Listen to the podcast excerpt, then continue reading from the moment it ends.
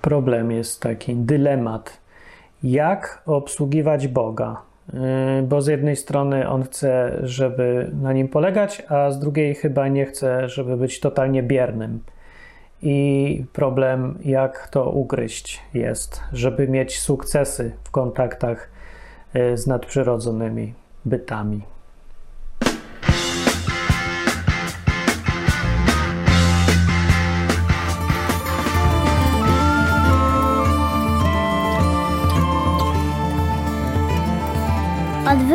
Od Bogu o ludzku. No, historia się zaczyna od tego, że miałem niedawno przygodę, taki cudzik. E, powiem cudzik. Jak ktoś na odwykowym Discordzie gada i śledzi, to pewnie już zna tą historię. A jak nie, to niech się dołączy do Discorda. Na stronie odwyku można znaleźć Discord i tam wszyscy siedzą ludzie, mnożą się, przychodzą nowi. Fajnie się gada. No i historia jest taka, że ja przyjechałem do Anglii, bo mieszkam w Anglii. Nie widać tu, bo akurat jestem w środku, bo zimno dzisiaj strasznie jest. Wiatr ze wschodu wieje. No y, i przyjechałem tutaj, y, bo ja tutaj mam prawo jazdy zrobić. Taką mam misję. To jest moja misja. Y, I no nie pytaj teraz mnie dlaczego i skąd wiem. To nieważne jest. To zresztą nie, nieważne, szczegół techniczny. W każdym razie, no ja się zabieram za to prawo jazdy. Zrobiłem już pół na motocykle. Teraz mam zrobić na samochód. Takie jest moje zadanie i misja. No i się tak zabierałem od tego od stycznia, bo były te wszystkie covidy, nie covidy, ale głównie to była zima i były te Boże Narodzenia, nie Boże Narodzenia. No to od stycznia. No i wziąłem stycznia i proces przebiega tak, że muszę najpierw zamówić egzamin teoretyczny, zdać egzamin teoretyczny, zamówić egzamin praktyczny, nauczyć się jeździć i zdać egzamin praktyczny. Taka jest kolejność. No to zacząłem od początku. Zamawiam egzamin teoretyczny. Ryb nie da się. Nie da. No bo znam ten proces, bo jak już mówię, jedno prawo jazdy to ja już zdałem, teraz drugie. No i teraz od początku i teraz się nie da. Nie da się. I co? I co tam pan zrobić? To się robi tak, że wchodzisz na stronę w internecie i tam są proste formularze, wypełniasz, wybierasz termin, o ile go znajdziesz w ogóle, no i tak dalej. No ja utknąłem na samym początku procesu, pierwszy formularz, wypełniam imię, nazwisko, prawo jazdy, numer, data urodzenia chyba, przejdź dalej. Przechodzę dalej, no tam mieli, mieli, sprawdza czy istnieje i mówi błąd techniczny, spróbuj później. No i tak zacząłem w styczniu robić i sprawdzam później przez cały styczeń i zawsze ten sam błąd techniczny, chwilowy, taki tymczasowy, zaraz naprawiam. Jakby co to zadzwoń, mówią. E, no potem luty się zrobił, no to wyleciało mi to trochę z głowy. No i teraz już był marzec, się zbliża i myślę sobie, e, trzeba by co z tym zrobić, bo samo się nie zrobi. To próbuję, próbuję, próbuję i nic. Yy, mówię, weź ty spróbuj do innego kogoś, spróbuj ze swoim prawem jazdy, działa. Się okazało, że tylko moje nie działa, jedno prawo jazdy w całej Anglii nie działa i to jest właśnie moje. Nie da się nic zdać. Jak ja mam zdać? To ja tu przyjechałem, myślę sobie, misja od Boga, coś mi się albo pomieszało yy, i mam znowu problemy psychiczne, dobra, nie, nie, znowu, ale mam pierwszy raz mogę się zacząć zastanawiać, czy nie jestem wariatem, słyszę głosy, które są losowe i opowiadam głupoty, czy może tu o coś chodzi, czy nie wiadomo co. No i, no ale cisnę, cisnę, myślę sobie, dobra, dzwonię. No i dzwonię, dzwonię. No jak zacząłem dzwonić, to zawsze było, że nie odbiera. Mówię, nie dzwonię, nie mam nerwów. Y, biorę Dominikę i mówię, Dominika, ty dzwoni. No to dzwoni, dzwoni, godzinę dzwoni i mówi, nie mam nerwów i nikt nie odbiera nigdy tego telefonu. To jest jeden z tych telefonów, który możesz dzwonić i nigdy nikt nie odbiera. Nigdy. Nie wiadomo, kiedy kto odbierze. I nie, że czekasz, y, aż tam ci muzyczka gra. Nie ma muzyczki. Musisz dzwonić co chwilę. Musisz dzwonić tak co 15 sekund. Cały dzień. To jest etat. I tak na tydzień. No, ja nie, nie mam tyle czasu i pieniędzy, żeby pracować jako etatowy dzwoniciel. No więc odpada. No to co mi jeszcze zostało? Maile, poczta. Wysłałem maila w styczniu. Przed w marcu. Dopiero tydzień temu przyszedł, a jest już, to, no, który jest, jest 7 marca. Yy, więc to nawet nie ma co. No i koniec. I napisałem na Discordzie pod koniec marca, jak wygląda sytuacja, i byłem już, miałem dość. Bo ja jestem na przykład człowiekiem, ta historia jest po to, żeby pokazać, bo ludzie mają podejście właśnie y, takie, że jedni albo cisną, a, a inni się znowuż poddają i czekają, aż, nie wiem, coś się samo naprawi. Jak na przykład jedna kobieta, teraz widziałem e, z Ukrainy, która sobie przypomniała, że że może by coś zrobić, jak już tam bomby od tygodnia lecą, a ona sobie przypomniała, że, że jej siostra miała przejechać z Kijowa do Lwowa i nagle sobie się okazało, że nie ma jak i nie ma czym i prosi Polaków o to, żeby przewieźli ją z Kijowa do Lwowa. I, i kobieta miała środki, pieniądze, czas od lat. Tam było już, już się dymiło przecież po tą granicą miesiącami i ona nagle teraz nie wie, co zrobić, nie da się, bo czym ona się zajmowała przez ten czas? Ja nie wiem. Ale chodzi o to, że właśnie są różne postawy i są postawy działania z wyprzedzeniem aktywnego i są postawy pasywności, bierności. I o tym jest ten odcinek, bo to wszystko w kontekście Boga mówię. W mojej sytuacji Bóg był bardzo mocno zamieszany w to wszystko, dlatego zrobiłem wstęp. To jest moja misja. Ja to, wie, ja to widzę w moim świecie. W moim chorym umyśle jest Bóg, nie? I nawet jest poza nim, według mnie, ja tak twierdzę, no, że jest i że on każe, na przykład każe od razu tam każe. No już sobie jak to tam chce, no to słabe słowo, ale załóżmy, że polecenie, misja moja jest, jeżeli chcę misję, to mam taką, że w Anglii jestem, prawo jazdy można zrobić. Tyle wymagania, koniec wymagań. Bardzo słabe wymagania właściwie, no bo mógłby dużo trudniejsze rzeczy kazać. Myślę, że jak ja takiej głupoty nie zrobię, to, to co ja zrobię? No ale tu się okazuje, aż taka głupota nie jest. Trafiłem na mur. I ja już byłem taki zbulwersowany i zdegustowany tym, tym poczuciem, że próbuję bardzo coś robić, nie da się. No, nie, nie ma już możliwości.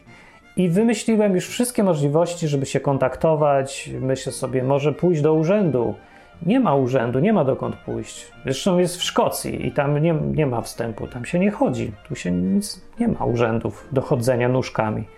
Już ludzie mają metody komunikacji nowocześniejsze. Nie ma jak. Myślę sobie, adresu poszuka, może list napiszę, może papierowy odbiorą, może coś naprawią, bo to jest po ich stronie, sami napisali. No zróbcie coś. Nie mam nawet jak powiedzieć, zróbcie coś. I, nie, i w końcu stwierdziłem, poddaję się. Poddaję się. No. I teraz człowiek powie, no wreszcie Martin, na tym polega chrześcijaństwo, żeby się poddać, żeby nic nie robić, zwłaszcza ktoś z Ukrainy, bo oni tam bardzo lubią, albo z Kościoła Baptystów w Krakowie, bo też pamiętam w przeszłości takie incydenty, kiedy ja proponowałem, żeby coś zrobić, a oni mówili, to zacznijmy od modlitwy. I to było 20 lat temu, do dzisiaj się modlą, tak nic nie zrobili. Siedzą, modlą się tylko Także mi się odechciało po pewnym czasie, bo za, zauważyłem, że za każdym razem, jak proponuję konkretne działania, spotkania, plany, rozwiązania i działania, konkrety, to oni zaczynają od modlitwy i nigdy z tego etapu nie wychodzą. Siedzą i tak się modlą i jakby się chyba modlą o to, żeby Bóg wszystko za nich zrobił, nie? No i to jest jedno właśnie, taka strategia. Ja tego nie miałem. Ale z drugiej strony trochę to mam.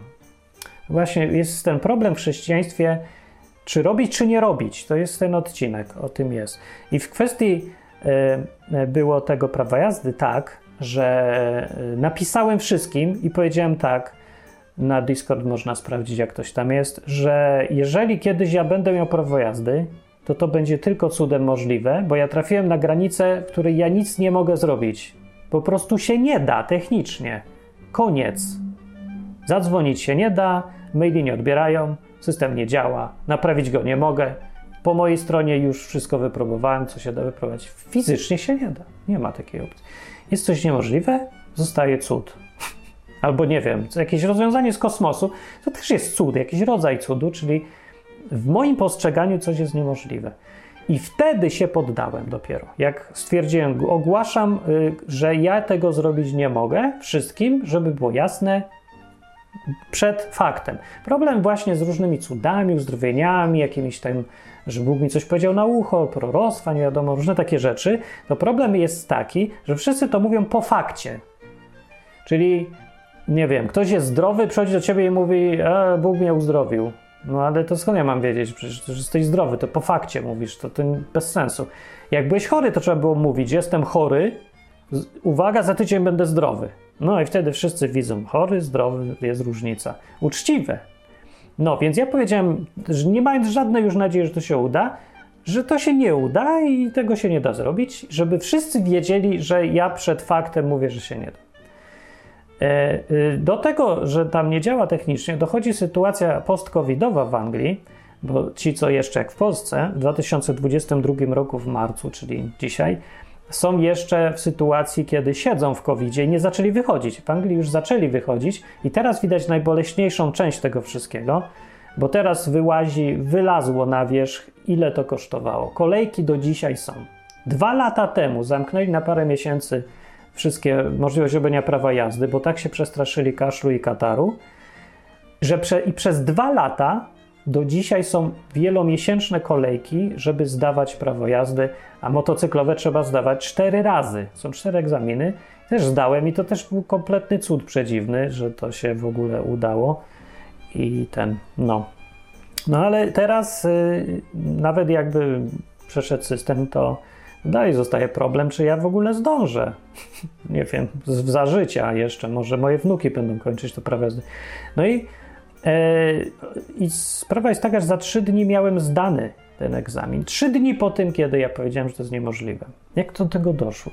No, wytłumaczenie było dosyć proste. Kiedy się już poddałem i już sobie tylko tam patrzyłem, co tu jeszcze poczytać i chodzę od linka do linka, trafiłem na Facebooka, bo chciałem sprawdzić, może adres mają do wysłania, jakąś alternatywną formę e, komunikacji, telepatia, gołąb pocztowy, nie wiem, pismo sznurowe, jakieś e, flagi, alfabet flagowy, może jakieś znajdę. Znalazłem jedną rzecz, bardzo ciekawa, to była y, dla, nie, dla niewidomych to nie ma prawa jazdy, nie, ale dla głuchych jest i jak ktoś nie słyszy, to jest taki terminal, bo trzeba dzwonić, a goś nie słyszy, więc problem. Wymyślili taki terminal, taki stary jakiś modem y, telefoniczny modem, w którym pokazuje się ekran i tam się pisze na klawiaturze i przez ten telefon lecą te literki.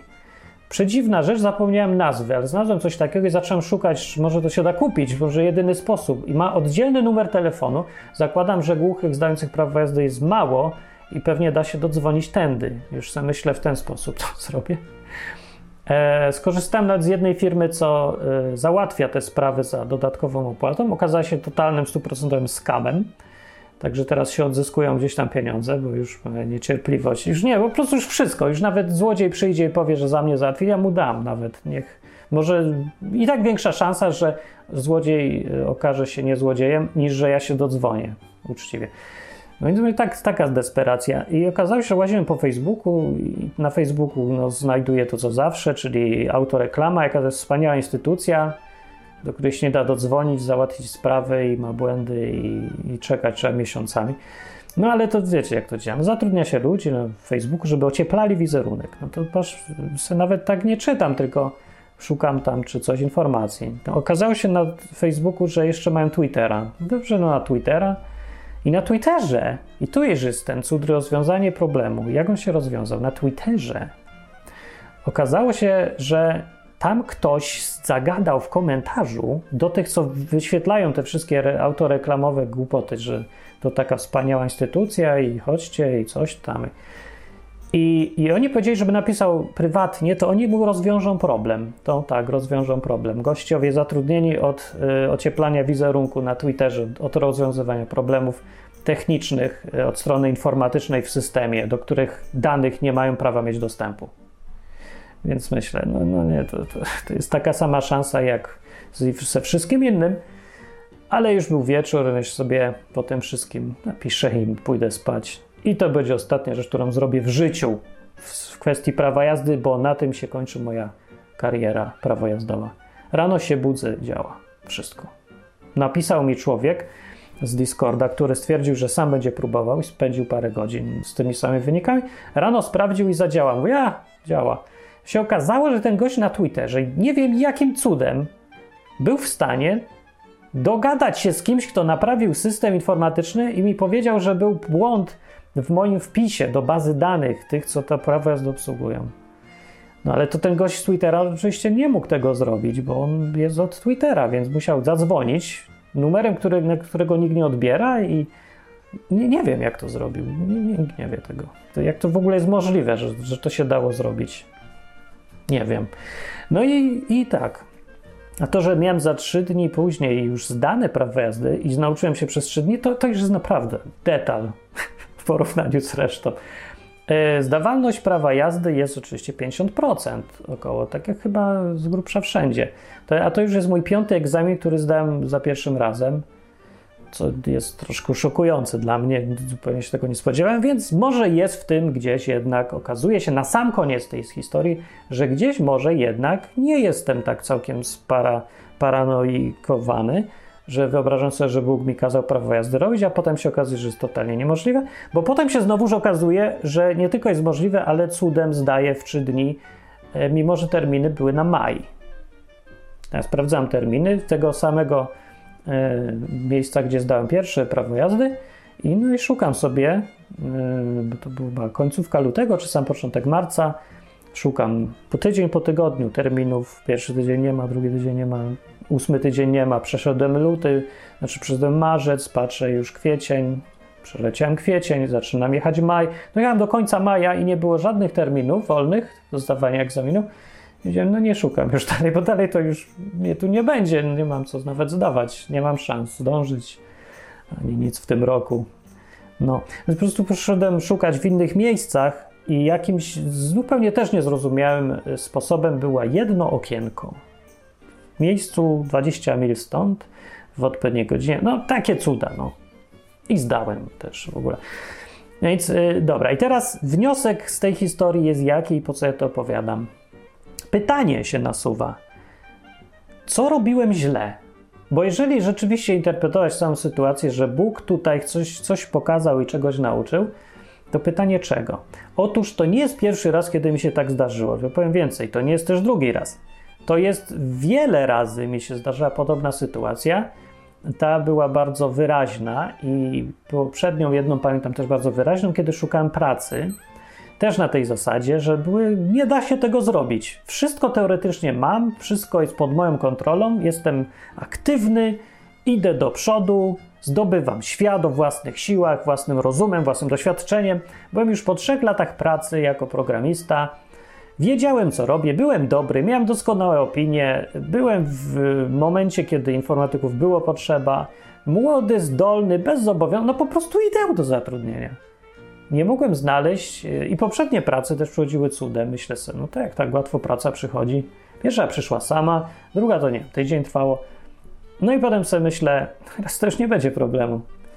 Jadę, robię CV, już wiem jak pisać, już mam co napisać.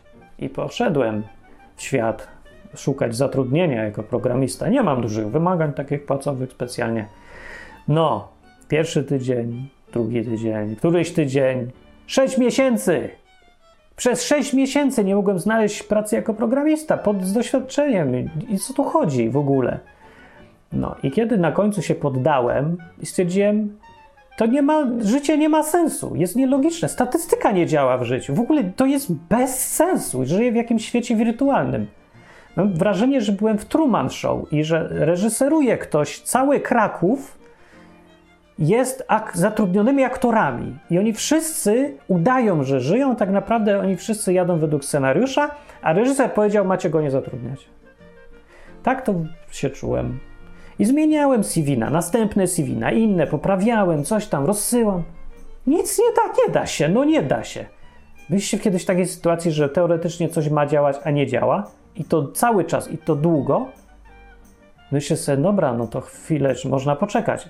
Pół roku? Niemożliwe to jest. To jest jakiś wypadek przedziwny, przeczący statystyce i wszystkiemu. No, no i, i co? W końcu stwierdziłem, to samo, że się poddaje i nie da się tego zrobić. Mówię, jak Bóg nie zrobi, to tego się nie da zrobić. I potem oczywiście praca była po mniej niż tygodniu. Parę dni później ktoś tam z tych gdzieś tam sami do mnie się zgłosili. Nie musiałem nawet szukać, sami się zgłosili. I znowu ten sam wniosek. Czy w związku z tym człowiek, który chce z Bogiem żyć, powinien być bierny i powinien nic nie robić?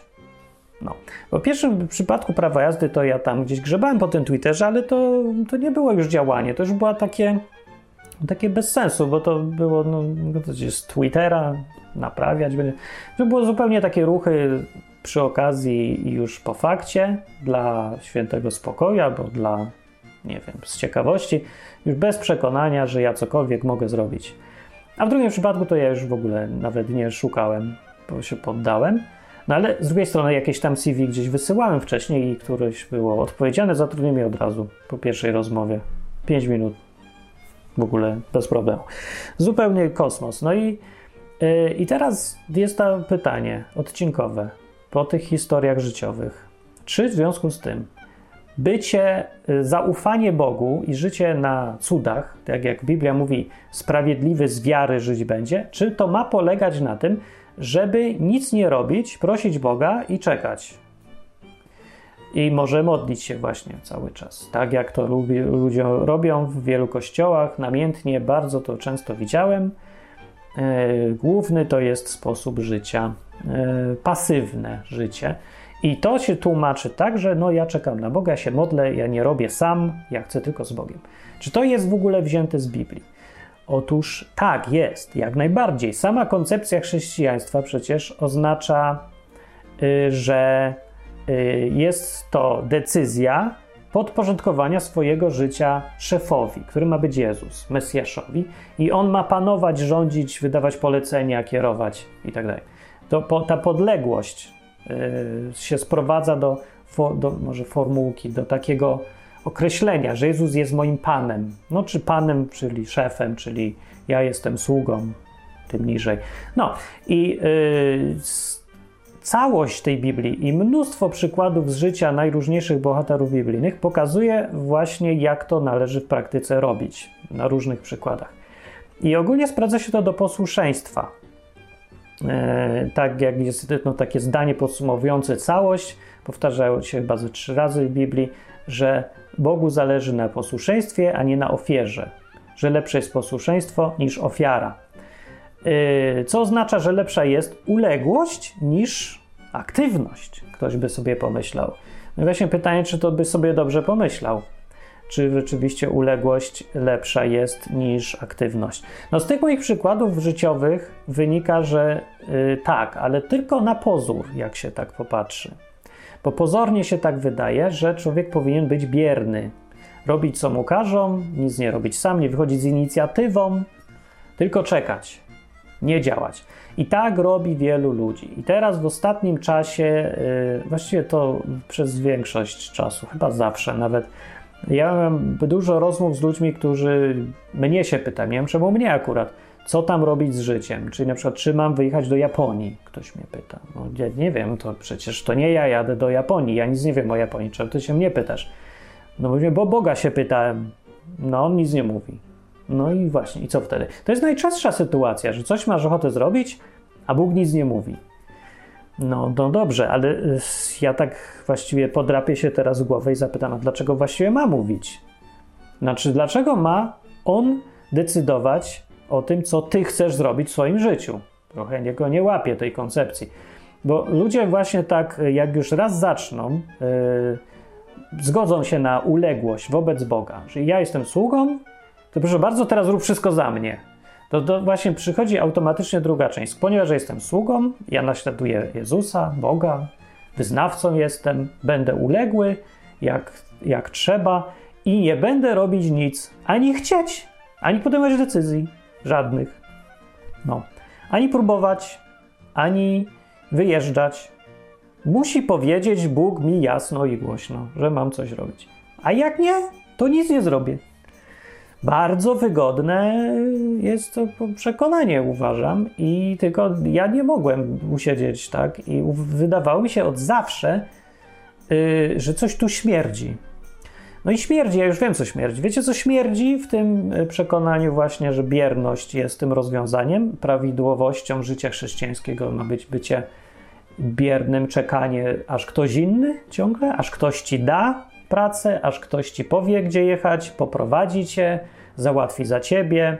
A w kwestii na przykład firmy, to tylko musisz u kogoś pracować, nie możesz sam firmy robić, bo to by ci musiał Bóg powiedzieć, jak robić firmę, jak ją nazwać, gdzie otworzyć siedzibę, w którym banku konto otworzyć. Jak ci Bóg tego nie powie, to jak ty to w ogóle zrobisz? No nie, w tej koncepcji pasywności nie masz szans ekonomicznie robić nic innego niż być zatrudnionym u kogoś innego. I to też na takiej zasadzie myślowej e, w takim Twoim pojęciu, że ktoś mi daje pracę, a ja tylko biorę. Jak jakiś uchodźca, który w ogóle nic nie ma, nic nie może dać, nie jest w ogóle pod, nie podpisuje umowy, tylko jest jak dziecko pięcioletnie, którym można się i należy opiekować. I relacje z Bogiem wtedy wyglądają jak sprowadzanie się do ubezwłasnowolnionego człowieka niepełnosprawnego umysłowo. I taka jest wizja chrześcijaństwa dla ludzi w kościołach zwykle. No bo kościoły są, nawet jeżeli jakiś pastor czy ksiądz powie, że tak naprawdę bądźmy wszyscy samodzielni, to wszyscy mówią tak, pastorze, chórem, jednocześnie, na 3-4. Y, I wychodzi z tego parodia, bo tak naprawdę cały sam system kościelny jest zbudowany po to, żeby utrzymywać ludzi w bierności. No i teraz coś tu śmierdzi, i śmierdzi oczywiście to, że to nie jest, yy, czy intencje nie są takie czyste ludzi, którzy tak podchodzą, że ta koncepcja uległości, pasywności, bierności jest tylko yy, ubraniem ładnym, a pod spodem goła prawda brzydka, brzydka dupa, jaka wychodzi z tego, nieodziana, to jest po prostu uciekanie od odpowiedzialności. To jest gnuśność i tchórzostwo. Gnuśność jest takie słowo znalazłem. Chciałem powiedzieć lenistwo, ale gnuśność jest jeszcze lepsze. Jezus powiedział po zmartwychwstaniu uczniom, jak się im pokazał, i oni tak y, mówią, o co tu chodzi, jak to się stało, jak to do tego doszło, jacyś tacy. I on powiedział im wtedy, y, o wy głupi i yy, gnuśnego serca. Tak jest, jest takie staropolskie słowo. W innym języku jest na przykład po angielsku slow of heart, że powolnego, zwolnieni umysłowo i zwolne serca. A po e, hiszpańsku, co sprawdziłem, jest tardes de corazón. Nie dość, że brzmi fajniej, to, to jeszcze znaczenie ma ciekawe. Myślę, że ja znam coś to słowo tardes, a już wiem, no, mówi się na przykład mas tarde, czyli za późno jest, jest tarde to jest późno. Czyli tardes de corazón to, o ile dobrze rozumiem, znaczy opóźnionego serca, takiego, że zapóźnieni jesteście, takie, takie czekają na coś ciągle, tak, takie lenistwo, ale coś bardziej niż tylko lenistwo, bo lenistwo w, takie w czasie, że ci się odkładasz wszystko na później, na kiedyś tam, że nie jedziesz do tej Japonii, bo czekasz, aż ci Bóg powie. To jest coś właśnie zgnuśniałe serce to jest. I Jezus tak opierniczał swoich uczniów, że mają zgnuśniałe serce nie idą, nie są proaktywni, tylko zgniuśniali. No. Dlatego, że niby pozornie ta uległość Bogu, yy, która jest istotą w ogóle bycia chrześcijaninem i w ogóle nawet w islamie, wszędzie to jest istota yy, naśladowania kogoś, że musisz być wykonawcą, posłusznym, czyli wydawałoby się, masz nie mieć inicjatywy i masz być bierny, ale właśnie z Bogiem nie. I to nie jest oczywiste, dlatego ja mówię o tym w tym odcinku. Bo w tych wszystkich sytuacjach, gdzie mamy przykłady ludzi, którzy byli posłuszni Bogu, szli za nim i są chwaleni za to, jak na przykład taki Dawid, o, weźmy sobie króla Dawida, jako przykład dobry, bo Bóg go chwali zawsze i sam Mesjasz jest nazywany synem Dawida. Dawid jest y, opisany, że to był człowiek według serca Boga, bardzo bliski mu, y, poza błędami, które zrobił w życiu to większość życia spędził tak, że Bóg bardzo go lubił. No, więc dobry przykład. I Bóg był z nim, gadał do niego, dawał, dał mu królestwo, przecież zrobił z człowieka króla. Ile żon mu dał nawet i bogactwo, wszystko co chciał.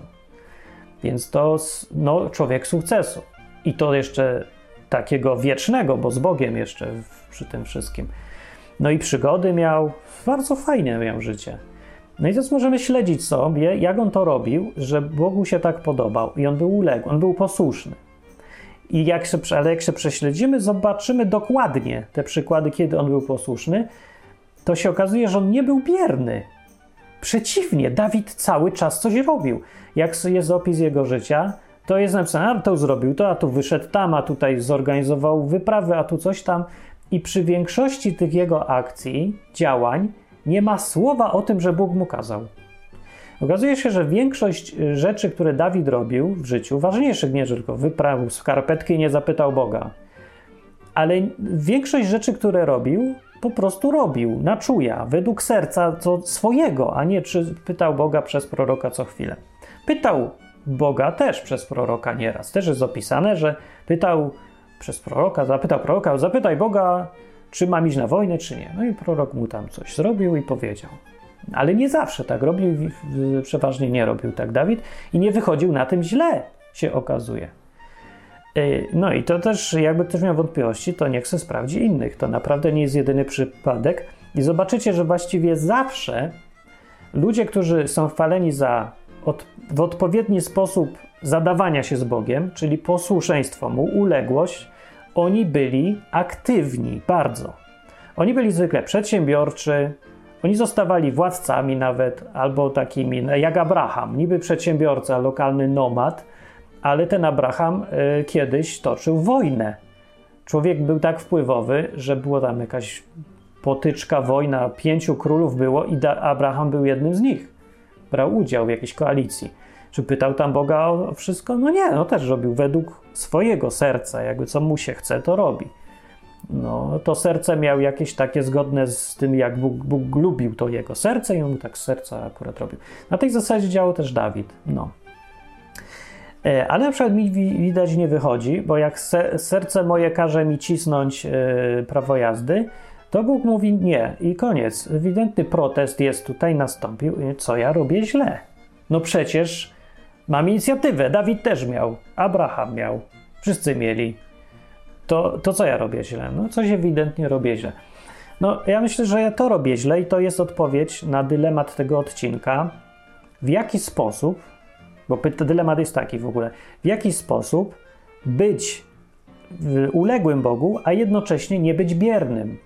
Bo myślę, że się zgodzimy na tym etapie, że bierność jest do dupy. No, że to, raz, że to nie jest to, czego Bóg oczekuje, bo widać po życiu innych ludzi, ale po drugie, sam rozum pokazuje, że to jest beznadziejna strategia. Niestety ta, na tej nieszczęsnej Ukrainie, jak byłem, to ta, y, ten problem był tak bił po oczach strasznie, bo y, byłem wśród ludzi bardzo fajnych, strasznie ich lubię i, i pełnych dobrych intencji i, i, woli dobrej. Najfajniejsi ludzie w ogóle, jedni z najfajniejszych, jakich spotkałem, to tam byli na Ukrainie. Ale oni prawie wszyscy mieli jedną potworną przypadłość. Oni byli potwornie bierni. Oni byli tak bierni, że ja myślę, że w Polsce ludzie są bierni zazwyczaj, ale przy tym, jak tam są bierni, to Polacy się mi nagle odkryłem, że oni są indywidualistami pełnymi inicjatywy i przedsiębiorczości. Wszyscy. W porównaniu.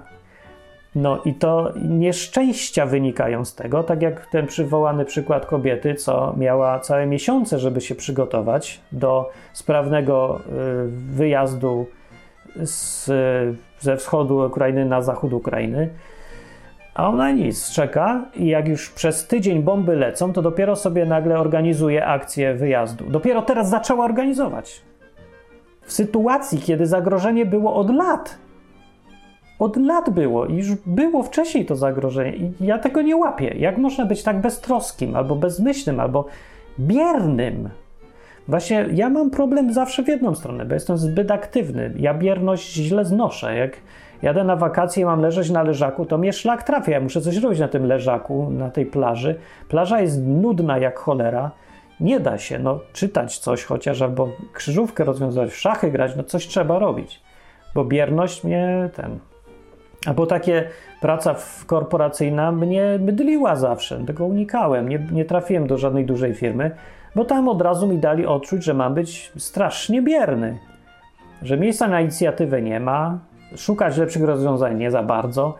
Ja lubię optymalizację kodu na przykład. Bardzo mnie to pasjonuje, żeby coś poprawiać, robić lepiej, sprawniej, żeby szybciej coś działało mniejszym kosztem. No więc muszę mieć do tego trochę inicjatywy, miejsce, pole na to. W mniejszych firmach to znajdowałem, a w dużych mówię, nie, ja nie, pff, według tutaj schematu, jak robot dotąd, dotąd, żadnych przeróbek, żadnych pomysłów, nie, no, niby jak mówią, że tak, może i pomysły, ale proszę mnie zgłaszać do kierownika w tym dziale i on coś tam dalej zrobi. No to taka robota też mam. Więc ja mam taki problem. I tak czy inaczej, każdy przeważnie ma z tym problem, bo ludzie albo, no bo to musi tak być, no bo patrzcie się, albo ludzie są, y, mają mentalność takiego pracownika typowego, etatowca, i jak już się jest w takiej mentalności, czyli takiej chodzisz do szkoły, chodzisz na studiach, idziesz do pracy na etacie, to wszędzie, na każdym etapie życia nas urabiają i mnie też chcieli, żeby być pasywnym, biernym, nie mieć własnej inicjatywy, robić to, co ci każą, tak jak ci każą. I nagroda, dobre oceny, inne takie rzeczy jest za bycie totalnie biernym i posłuszne robienie to, co ci każą, tak jak ci każą. No nie ma dodatkowej oceny za napisanie y, w szkole czegoś, co wykracza poza klucz. Nie, za to jest kara, musi być według klucza. To jest właśnie ta postawa bierności zupełnej. E, no i, to, no i to jest w tą stronę. A drudzy znowuż, którzy nie chcą iść tą drogą, to przeważnie się buntują już wcześniej i wtedy cały system jest przeciwko nim, a oni się znowuż utwierdzają w swojej walce z systemem. To to jak ja. Ludzie o mentalności twórców bardziej, albo jakiejś tam buntowniczej, albo czasem są po prostu wredni, różnie, nie? To oni, jak już raz e, zobaczą, że system ich wciąga w bycie biernym, to w ramach protestu utrzymują się w, po przeciwnej stronie i, w, i, i utwierdzają się znowu w byciu bardzo aktywnymi. No z nich potem powstają przedsiębiorcy, jacyś tam twórcy i inni tacy, albo, albo tacy, co siedzą po internetach i wkłócą się ze wszystkimi. Ewentualnie też może, nie wiem. No, y, więc albo w jedną wpadniemy skrajność, albo w drugą. I teraz skrajnie bierny człowiek pasywny wydaje się być dobrym chrześcijaninem, ale większość tych ludzi, jak popatrzmy tak uczciwie, to nie, nie widać, żeby mieli kontakt z Bogiem specjalny. Mają tak, okej, okay, ale miernie raczej, nie, że jakieś spektakularne rzeczy są. No, Dawidów i Abrahamów wśród takich ludzi nie znajdziemy. Yy, no i dość tak słabo to działa.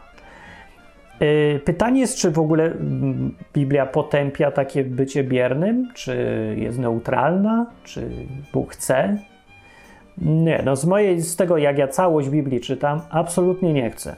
I tak jak mówiłem, wszyscy ludzie, którzy przychodzili do Boga jako poddani Mu, chcąc Mu służyć, byli w tym zawsze aktywni. Jeżeli Bóg kazał coś komuś zrobić, to przeważnie mówił ogólnie i człowiek musiał coś i tak zrobić sam z własnej inicjatywy.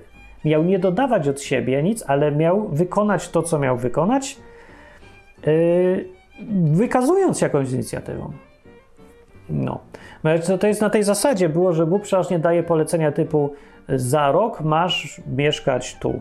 Koniec. No i teraz człowiek, żeby za rok mieszkać w drugim miejscu, na drugim końcu świata, to musi mieć inicjatywę i coś robić. No tak jak Noemu powiedział Bóg instrukcje takie. Zbuduj arkę, drzewo takie, to są instrukcje podstawowe. Koniec. Nie ma żadnych poleceń, co zrobić z całą resztą. Gdzie zbudować, czy kupić ziemię, czy nie kupić i Noe przez 100 lat budował ten okręt na podstawie tylko takich instrukcji i musiał się wykazywać cały czas inicjatywą. Musiał być aktywny. Na pewno wiele razy mu się nie udało i pewnie by cała książka powstała z przygód Noego, który próbuje walczyć z przeciwnościami, budując statek na suchej ziemi. No na pewno było tych przeciwności pełno. I pewnie takie jak moje. W którymś momencie pewnie było coś niemożliwego i nagle się okazywało, że ups, a jednak się da. Może też był zbyt aktywny, tak jak mi się zdarza. Jaki jest problem z przesadą w drugą stronę? Bo z biernością problem jest podstawowy taki, że jak jest wojna, to ty nie masz jedzenia, picia, samochodu, pieniędzy, nic. Jesteś nieprzygotowany, bo byłeś bierny. No jak się ktoś cię zapyta, a co ty robiłeś w tym czasie? Jak na wojnę się zanosiło od roku, yy, miałeś dwa miesiące wcześniej już było w ogóle wojska stały obok, co ty robiłeś w tym czasie? No i się okaże, że pewnie siedziałeś, się modliłeś i pytałeś Boga, co masz robić. Wszyscy doka mówili, rób to, rób tamto, albo większość ludzi może też siedziała i się modliła, no ale to nie, nie ma, że nic nie mogłeś zrobić. Nic nie mogłem zrobić. No, mogłeś wszystko robić, tylko zdecydowałeś być gnuśnym, czyli spowolnionym i czekasz, aż ktoś za ciebie weźmie odpowiedzialność. I efekty są opłakane. Bóg nie jest specjalnie wrogo nastawiony do takich ludzi, tylko bardziej im współczuje. Współczuje ich gnuśności. Tak jak Jezus podchodził do uczniów, to przecież nie dawał im popysku, nie zostawił ich przecież, ale powiedział: Jesteście głupi i gnuśni. To nie jest fajne. I opowiedział im więc, co, żeby wierzyć to, co mówili prorocy, i wytłumaczył im i tak dalej, ale no nie pochwalił za to. I uczniowie sami na tym tracą, tracą tak jak ci, którzy są gnuśni, na tym tracą. A sam wiem, bo ja bywam gnuśny ostro i przedłużam wiele rzeczy, które mam zrobić za daleko, za długo czekam i źle, niepotrzebnie tracę. Nie jest tak źle ze mną, jakby mogło być. Ja znam ludzi, co. Albo nie. Już nie będę mnożył przykładów, ale jest problem. No. Więc problem y, teraz jest taki w drugą stronę. Jeżeli jesteś za aktywny, to jest mniejszość ludzi, ale ten też jest problem. Na czym polega problem z byciem za aktywnym? Oczywisty jest tu problem, że przejmujesz kontrolę nad swoim życiem i to się robi sprzeczne z, całą, y, z całym fundamentem chrześcijaństwa, którym jest poddanie swojego życia pod kontrolę Boga, bo Jezusa konkretniej. No.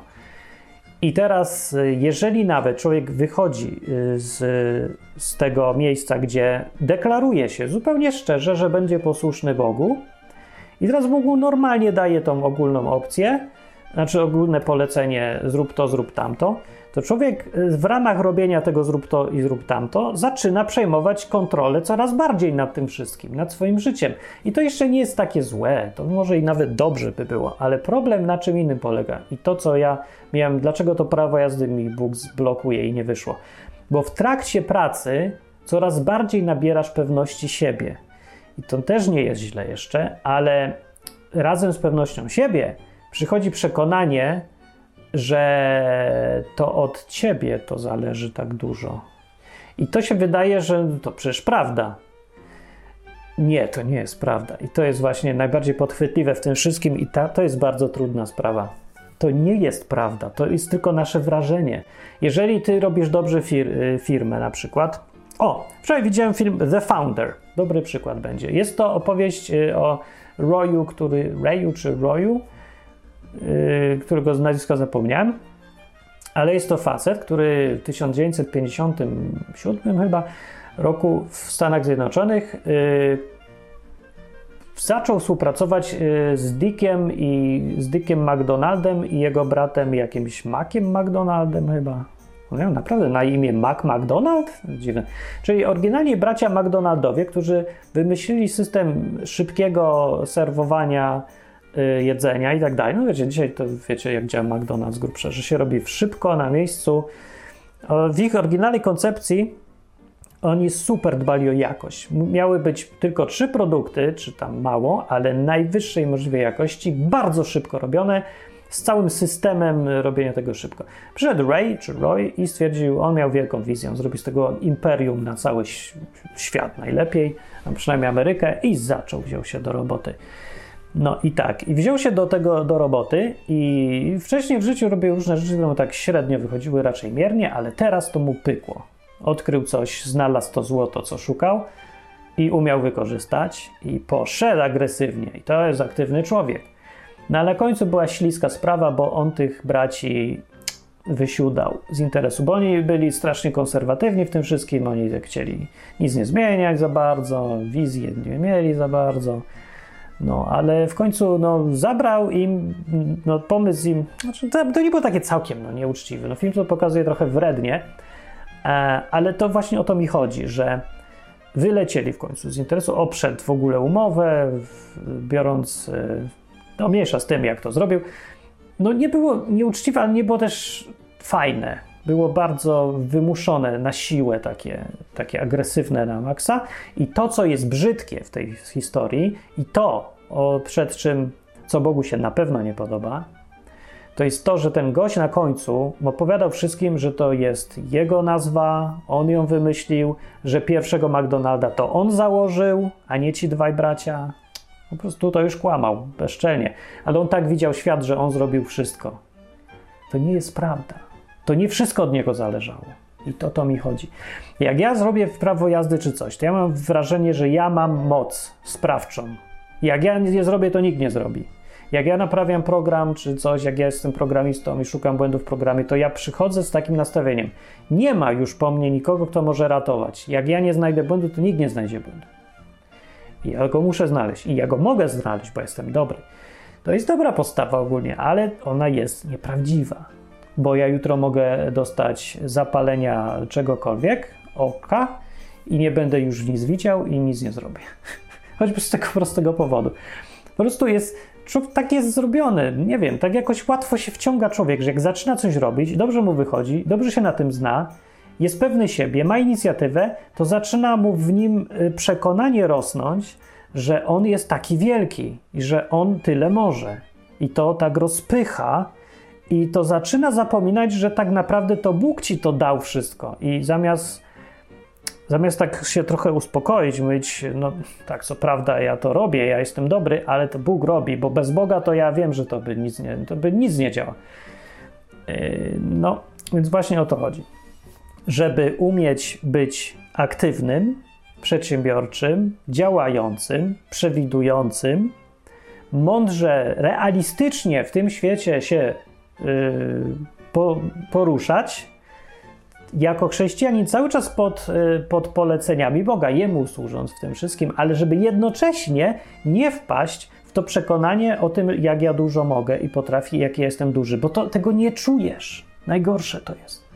Dopiero jak już się poddaję, w tym momencie, jak się poddałem, yy, czy w przypadku jak pracy szukałem i nie mogłem pół roku znaleźć, i się poddałem, czy tam przy tym prawie jazdy, to dopiero poczułem różnicę, jak się poddałem.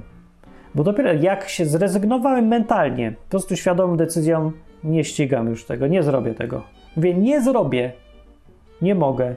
To nagle poczułem, jak i, że była różnica. Że jeszcze 5 minut temu ja czułem się jako z tym stresem, że jestem super silnym człowiekiem, który może wszystko, tylko dajcie mi tu wejść. A, a potem jak zrezygnowałem, stwierdziłem, jestem zwykłym gościem, nic nie mogę. Jak Bóg nie chce, to nie będzie. Jak chce, to będzie. Tak jakby, no, trochę, że w dupie mam, nie? Nie tak, że w dupie mam wszystko, wisi mi każdy i idźcie wszyscy, ty chcesz, to gin, nie chcesz, to nie gin. Nie, nie na tej zasadzie. Na takiej zasadzie, że akceptuję rzeczywistość. Nie ma, to nie ma. To będzie co innego. Nie? Nie, że ktoś jest głodny, to nie, że niech umiera z głodu. Masz tu jeść. No a jak już nie mam co ci dać, to już nie mam co ci dać i tyle. No nie mam, koniec. I już. A nie, a nie że cisnę, ja muszę, jak nie mam, jak zrobię, ja znajdę, wyjdzie. No i tak ciśniesz, ciśniesz, ciśniesz i aż ci pęknie żyłka, albo ci Bóg udowodni, że nie, nic nie możesz. Jak Bóg postanowi, że nie możesz, to nie możesz. Ja mam tą szczepionkę, bo jak się tak pół roku człowiek ciśnie, zanim się podda, Yy, a jeszcze w Anglii, jak pierwszy raz byłem, to też mi się przypomniał, ten sam motyw był. No to ja już wiem, wiem na pewno, bo już to wypróbowałem, że jak się Bóg uprze, to ja nic nie zrobię. Jak stwierdzi, że nie, nie zrobisz, to ja, to ja się przyznaję, nie zrobię. Wiecie, większość ludzi powie tak, tych zaradnych życiowo powie tak, a Bóg srał pies Boga, bo ja umiem wszystko, moją siłą zbudowałem sobie dom, znalazłem sobie rodzinę, utrzymuję ją i tak dalej. I także człowiek, który tam Boga tam olewa, stwierdza, że człowiek jest panem swojego losu. Jest to częściowo prawda, ale to jest prawda strasznie warunkowa. No tak naprawdę jesteś panem swojego losu, dlatego że Bóg ci nie spuścił cegły na głowę z biegiem okoliczności przypadkiem, że nie dostałeś raka 5 lat wcześniej i nie umarłeś, albo że ci ktoś oka nie wybił, albo cokolwiek innego, że wypadek na przejściu dla pieszych nie był, że cokolwiek się mogło stać. Yy, nawet nie chodzi, że musi być jakieś nieszczęście, choroba typowa, po prostu zbiegi okoliczności mogą być. Ludzie piszą często książki po fakcie, jak już im się coś uda. Przychodzi jakiś gość, który, nie wiem, właśnie nic nie zrobił całe życie, a potem raz trafił na idealny zbieg okoliczności, wykorzystał i to jest jego zasługa, że wykorzystał. Ale to, że był zbieg okoliczności, to nie jest jego zasługa. A gość pisze na denty, jakby był ekspertem od tego, jak to robić, żeby być wielki sukces. No przy co drugi gość, który jest bogaty, pisze taką książkę i tak samo pierdoły opowiada, że on taki jest znawca. Tak naprawdę był fuks. Gość od Facebooka, to jest typowy przykładek, przy, przypadek. Ten gość to jest miernota raczej, tak jako człowiek. To nie jest człowiek, który jest wybitny. On nie ma, widzieliście złote myśli Zuckerberga kiedyś? Słyszeliście o tym, że jakaś kobieta z płaczem dziękuję Zuckerbergu, ty mi zmieniłeś życie, bo jesteś taki dobry w, w czymkolwiek?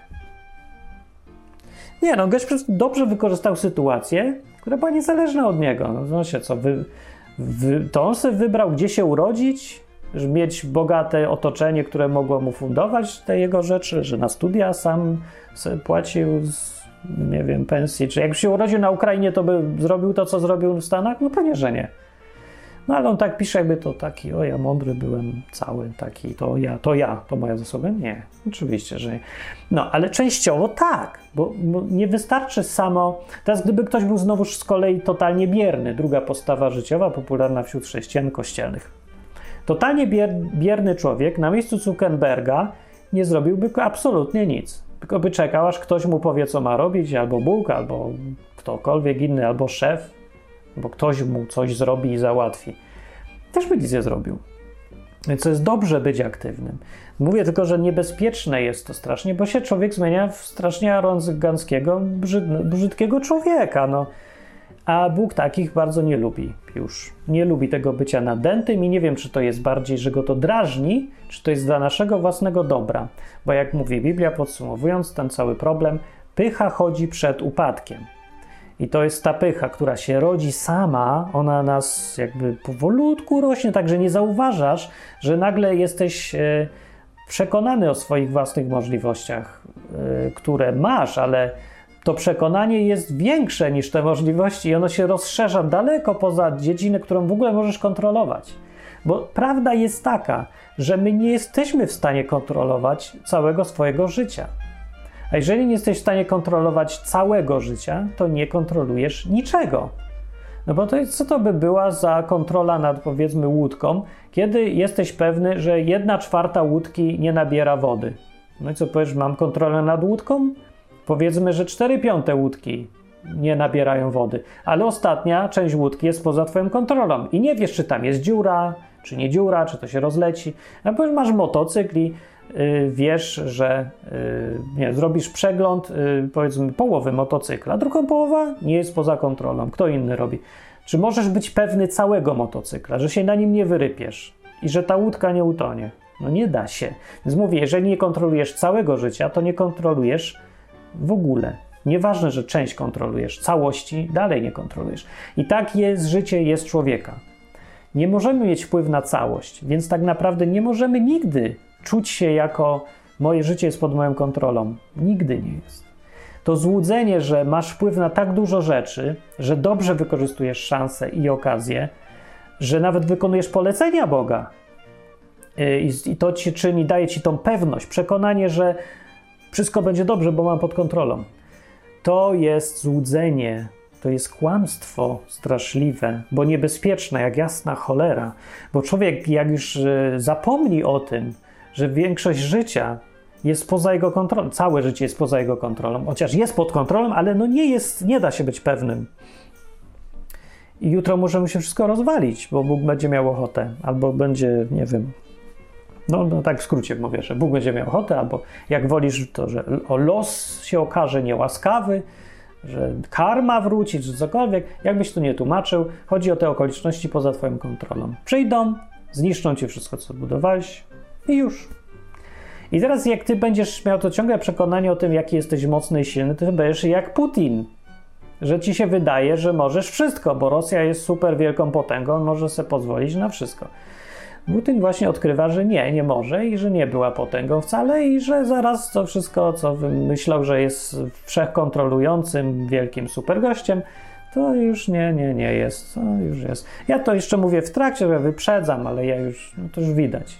Kto wie, gdzie patrzeć, ten wie, że pan Putin przegrał. Ale to jest właśnie nieszczęście. Do tego prowadzi właśnie to bycie pewnym siebie, takie to przekonanie o własnych możliwościach, własnej wielkości, do robienia głupot.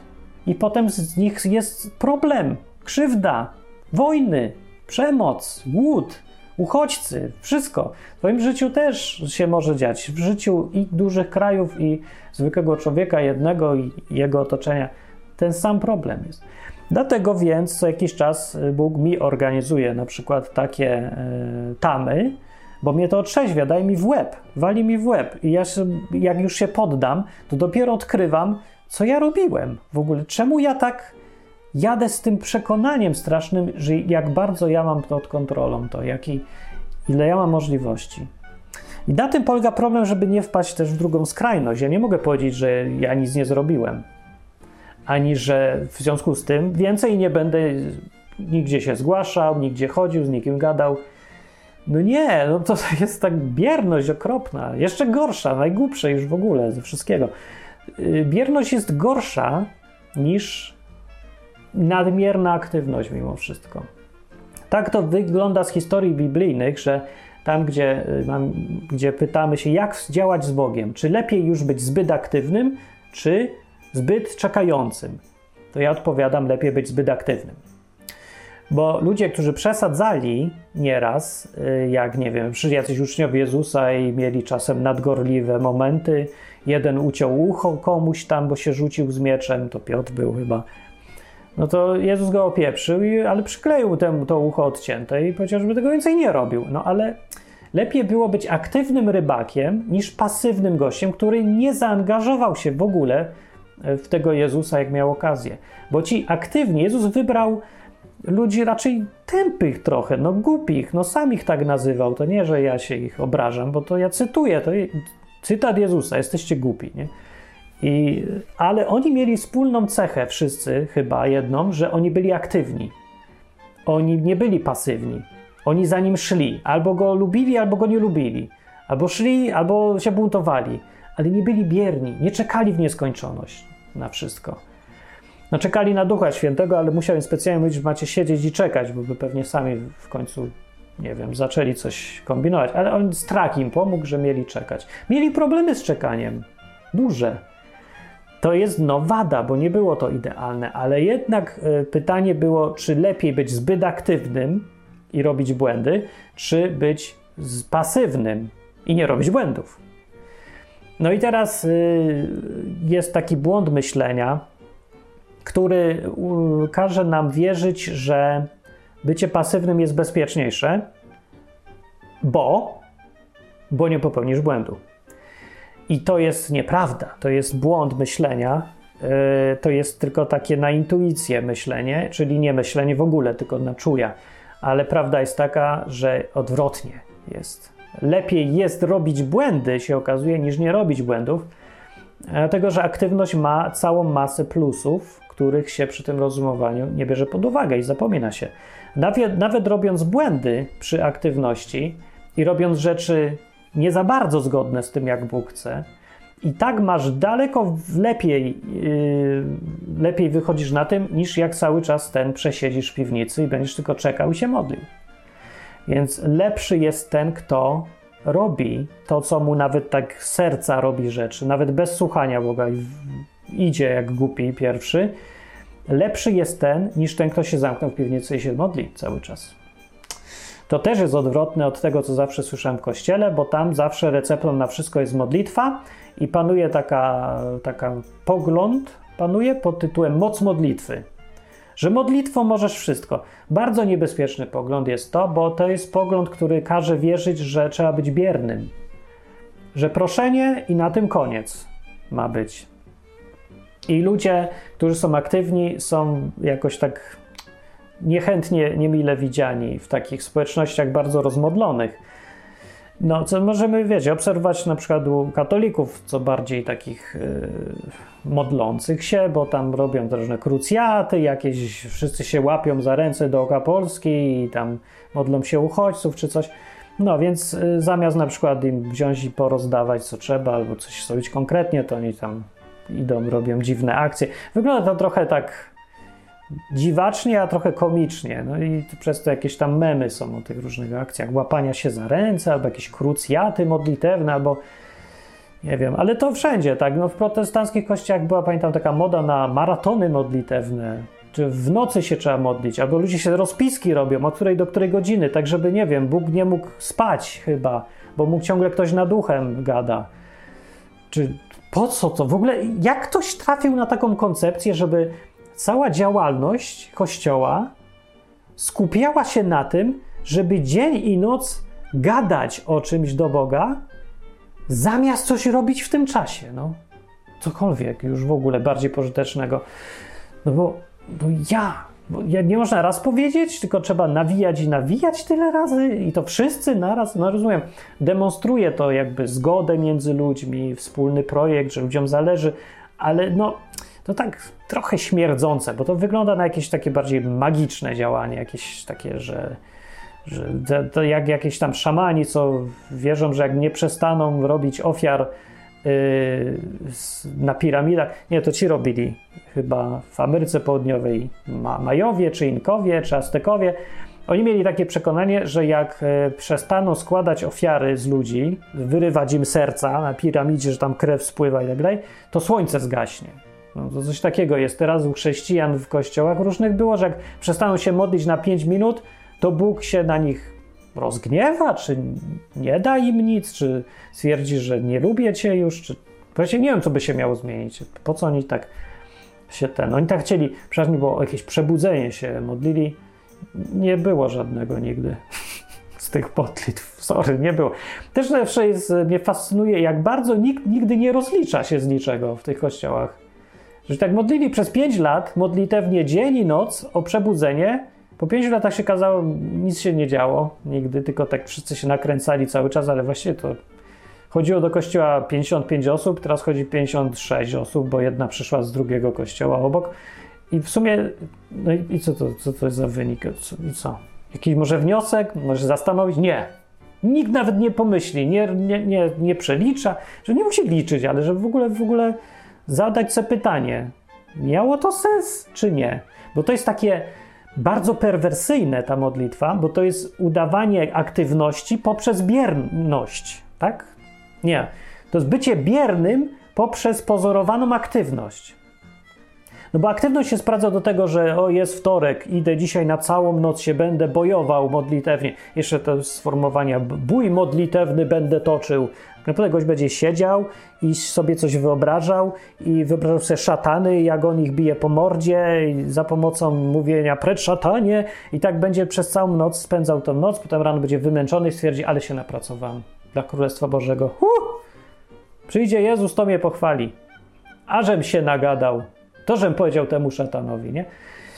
Nawet już nie myślę, jak to musi wyglądać komicznie z punktu widzenia szatana, który ma to wszystko w dupie, bo dokładnie ci ludzie robią to, co właściwie szatan by sobie życzył najbardziej, czyli nic.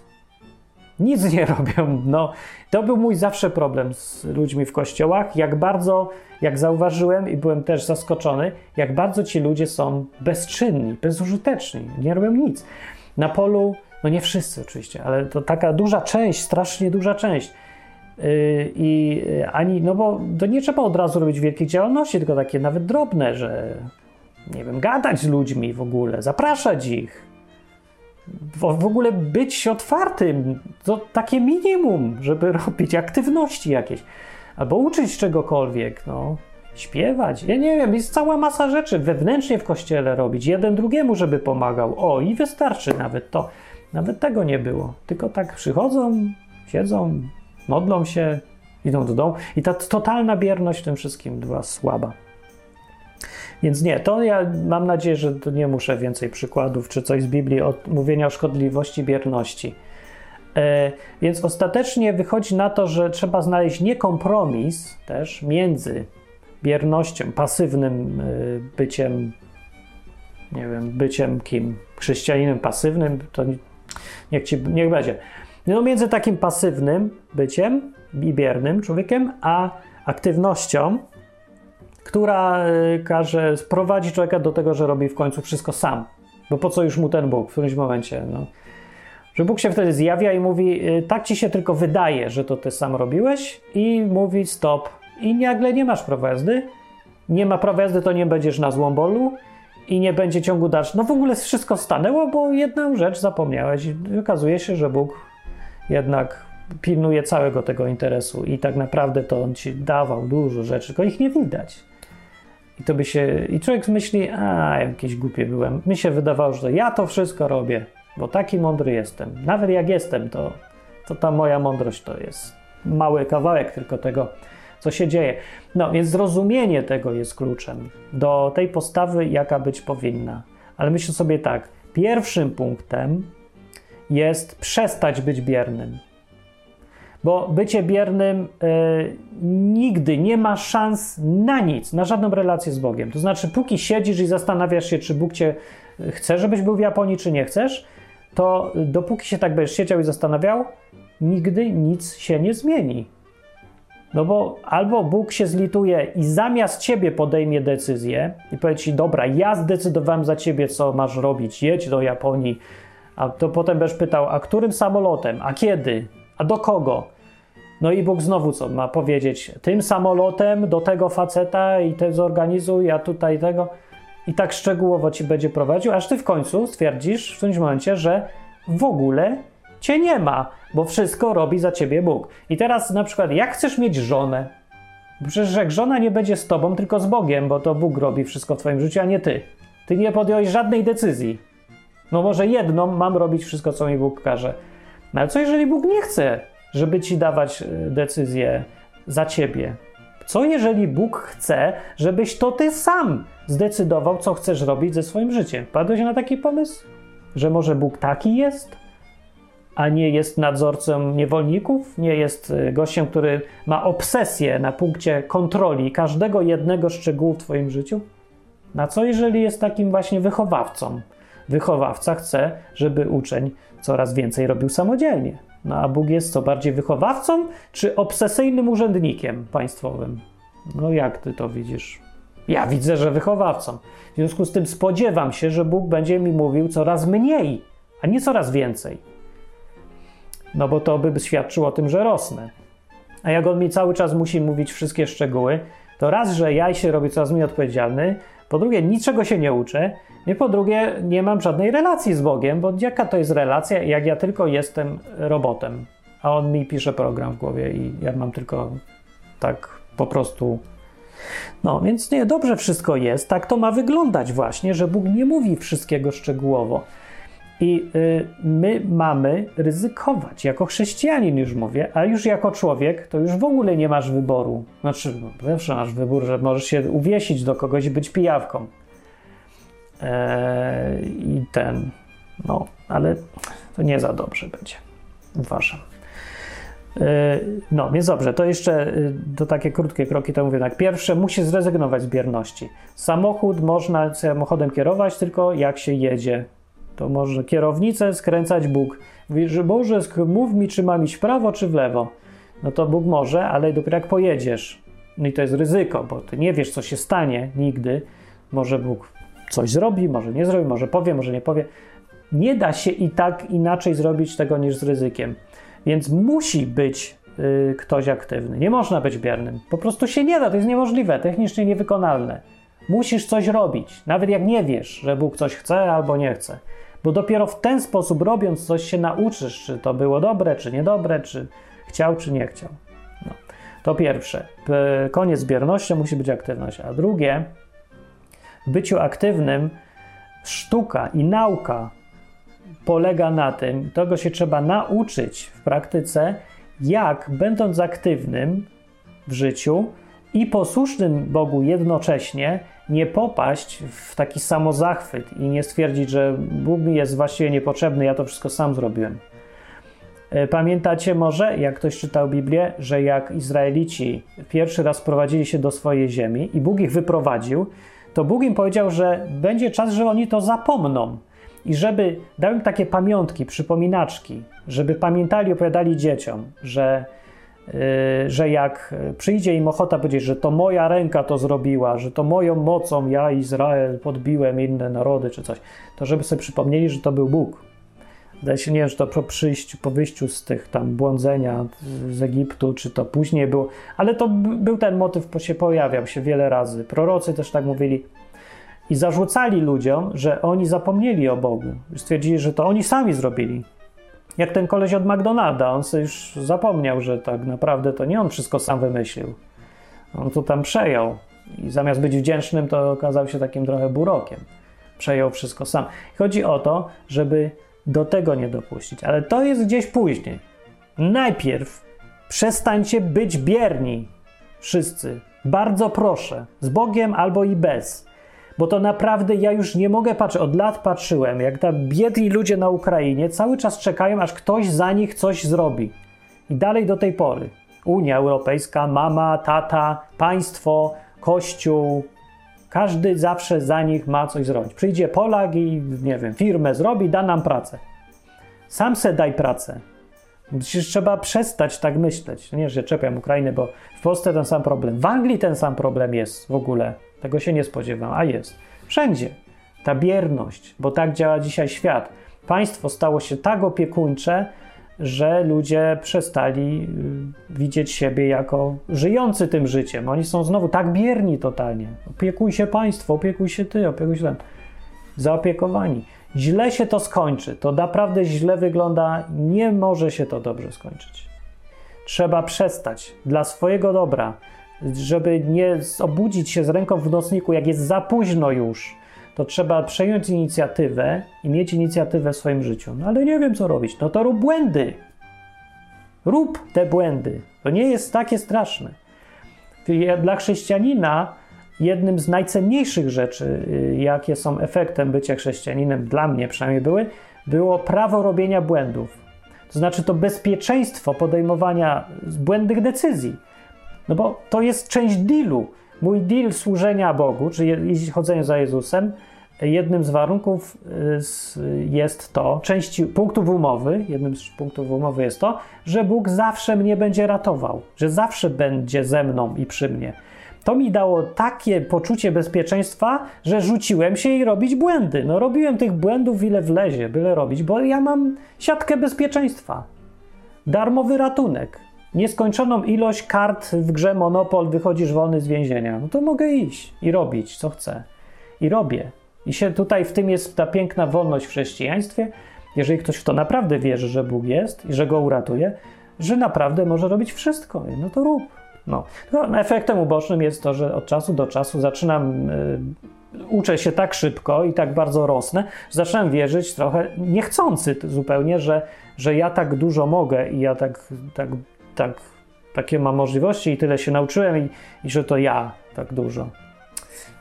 No, ja wiem, że ja może i dużo, ale tak naprawdę to bez Boga to nie ma szans. Panie, naprawdę. No to jest, świat jest pełen, no, no jesteśmy tylko ludźmi. Takie małe robaczki, takie chomiki. A świat jest ogromny i zagrożenia są wszędzie i wiecie, no na tej zasadzie. Także ta pokora to się nazywa, czyli ogarnięcie rzeczywistości. Rzeczywistości nie jestem aż taki potężny, nawet jak wydaje się, że jestem i nawet jak jestem w jakiejś dziedzinie, bo to tylko taki mały kawałek rzeczywistości. No, o to chodzi. Dobrze, rozumiecie ten odcinek? Więc y, denerwujące czasem są podsumowania takich rzeczy, że trzeba mieć kompromis między jednym a drugim. Nie, nie trzeba. Tu nie ma miejsca na żaden kompromis. To jest konkretnie. Nie wolno być biernym w ogóle, trzeba być aktywnym. Jeżeli słuchasz Boga, to też. Bardzo dużo aktywności, bo Bóg sam wymaga tej aktywności i niebezpieczeństwo w przeginki polega na tym, żeby nie być zbyt pewnym siebie, nie urosnąć, nie pozwolić takiej dumie się rozszaleć. Bardzo trudne, naprawdę, bo nie widać tego. Naprawdę nie widać. Człowiek może być już pełen, taki przekonany, że jest taki mocny i w ogóle nie widzieć, że on taki jest. Ludzie z zewnątrz widzą, on nie widzi. Nawet z zewnątrz nie zawsze widzą. Bardzo trudne. Śliska sprawa jak cholera, ale ej, życie nikt nie powiedział, że łatwe będzie. Trzeba się uczyć. No trochę da się. Ja co jakiś czas dostaję takie szczepionki, jakby takie trafiam na mur i, i wtedy nagle. I to jest dowód na to, że rzeczywiście dobrze trafiam na mur, bo, bo gdybym był zdrowy, to bym się natychmiast zorientował, że coś tak przejmuje. A tutaj nagle się tak cisnę, jakbym to wszystko ode mnie zależało. A przecież nie wszystko ode mnie zależy, no nie? No, no to, to jest prosty wniosek, ale co innego wiedzieć to teoretycznie, a co innego stosować to w życiu, że nie wszystko ode mnie zależy.